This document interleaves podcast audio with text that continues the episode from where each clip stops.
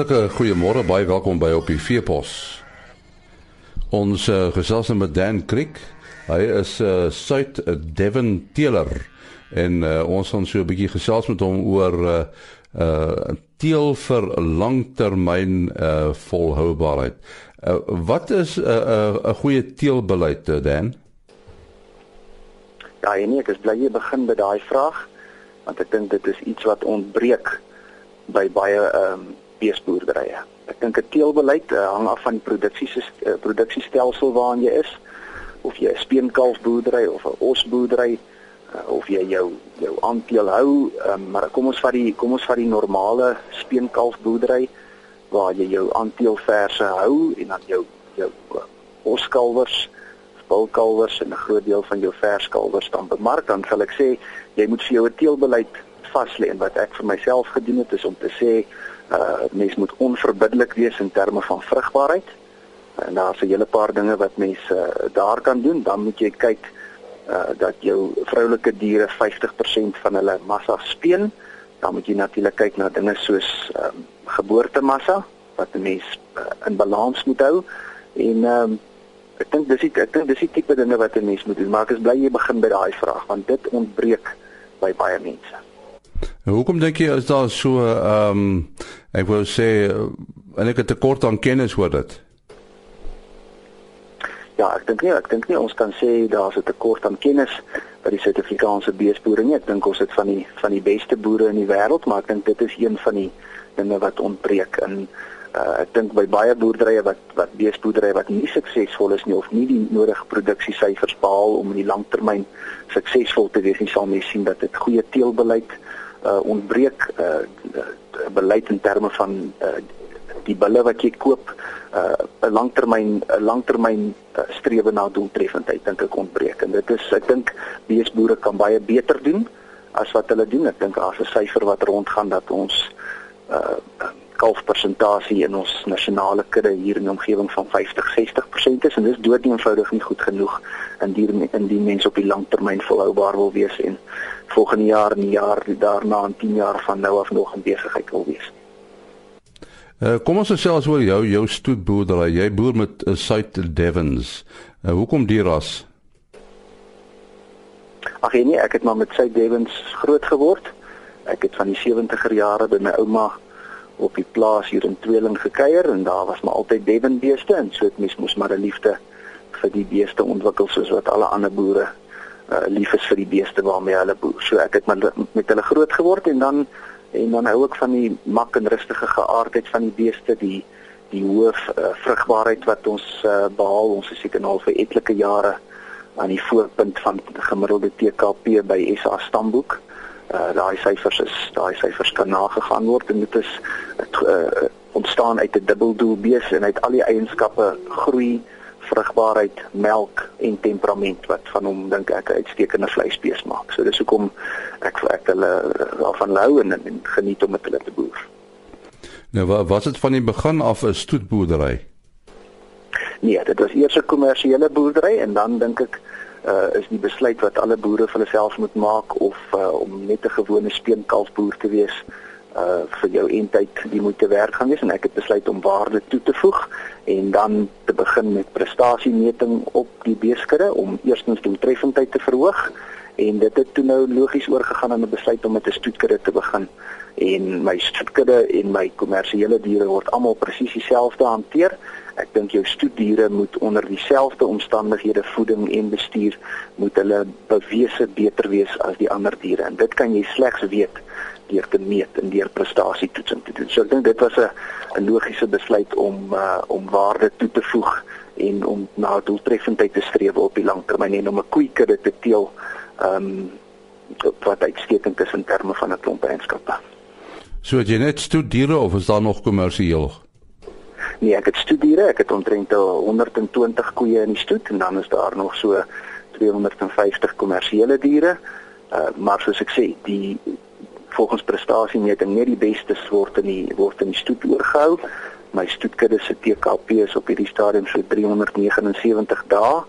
Uh, en ek dink in terme van syfers beesboere wat hierdie syfers verstaan, uh, dit is dit is waarna ons moet streef. TKP uh, so laag as moontlik en dan moet ons dit saam met die saam met die natuur doen. Ons moet in die natuur boer en ek boer op natuurlike veld, rooi grasveld hier hier in die Noord-Oos-Vrystaat. So dit wys dat daai tipe syfers met die nodige seleksie en die nodige bestuur en 'n en 'n teeldoelwit en en om aan te hou met daai teeldoelwit oor jare vir mense daai vrugte kan afwerp. Uh, dan jy jy fokus baie spesifiek op uh, op eerste kalverse en tweejarige bulle. Jou uitgangspunt? Ja, ehm um, en ek dink dit is waar baie beesboerderye ook verkeerd gaan. Is daai twee diere is jou mees belangrikste groepe op die plaas. Eerstens die eerste kalfkoetjies.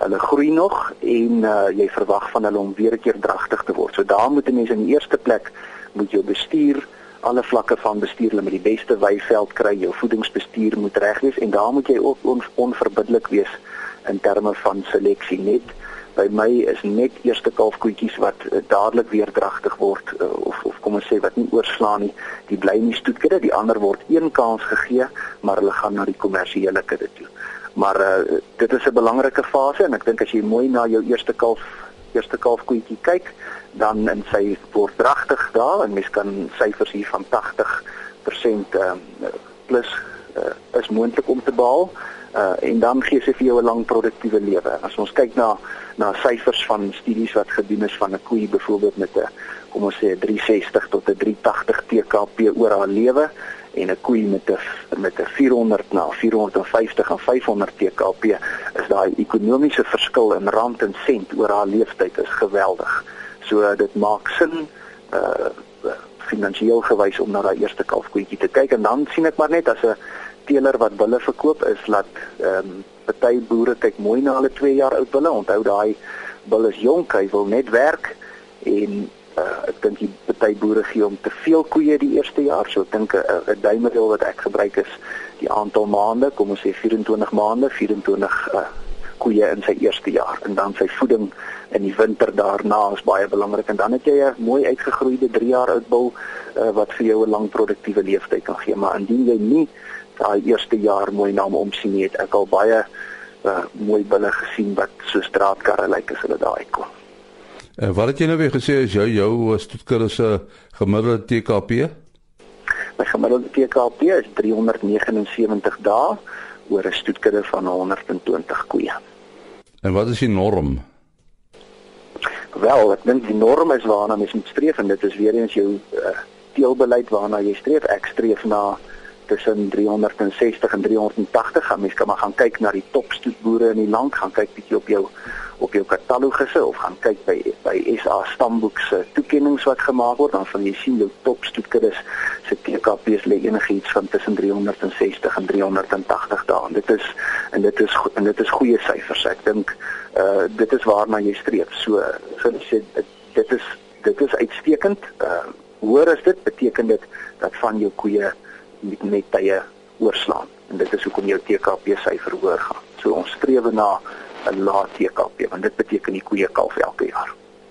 En en jou benadering oor oor seleksie kriteria? Wel ek dink in die eerste plek weer eens kom ons gaan terug na jou teelbeleid toe en dit is uh, ek is onverbiddelik as ek uh, 'n uh, bil koop. Uh, ek gaan kyk eerstens uh, na die blapsyfers, laat die blapsyfers ehm um, ooreenstem met dit waarna ek soek in terme van my van my teelbeleid. Jy moet natuurlik die blapsyfers van jou eie kudde ken en jy moet die gemiddeld van die ras ken want anders kan jy nie die blapsyfers vergelyk of 'n of 'n um, of die regte keuse maak nie. En dan in die tweede plek gaan kyk ek na die produksiesyfers en veral die TKP's van die ma en die twee oumas. Nou mens moet altyd kyk eh, 'n uh, stoetboer wat sy sout werd is, sy katalogus sal al daai syfers vir jou aandui en dan moet jy onverbiddelik wees in terme van die TKP van die ma en die twee oumas. Um, en dan in die derde plek sal uh, kyk ek na die bil wat voor my staan of al die of hy funksioneel doeltreffend. En ek dink nou net maar die belangrikste die belangrikste punt is wees onverbiddelik terugbaarheid en dan dink ek prestasiemeting en rekordhouding terme van jou teelbeleid. Uh, die die site Devon Ras is, is hy groot in Suid-Afrika? Nee, ons is nie so groot in Suid-Afrika nie. Ons is 6 of 7 teelers uh in Suid-Afrika oor, maar ons is 'n baie aktiewe genootskap.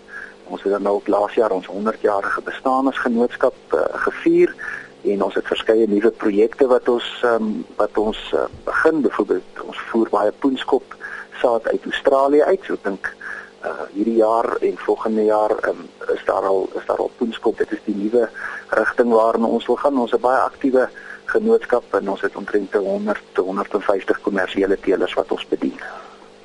So jy is dan al by tweeling, uh, die die ander uh, teelers is hulle in die omgewing of landwyd versprei? Nee, ons is landwyd versprei. Ons is twee teelers in die Vrystaat. Dit is myself en Marisel van die kerk in Harry Smith en dan het ons vir John Miller in die Oos-Kaap en dan het ons vir Joe Step self Devons die van Seilbroers in Kimberley en ons het Attie Du Plessis in Kolini en Tielman Nieuwoud in Swaziland. So ons het 'n lekker verspreiding oor sentraal Suid-Afrika. So praat eh, Dan Kriek, hy is die uh, president van Vrystaat Landbou en ook die vise-president van Agri SA. Ook die einde van op die veepos. Onthou môreoggend om 4 voor 5 is ons terug. Tot dan, mooi loop. Ah.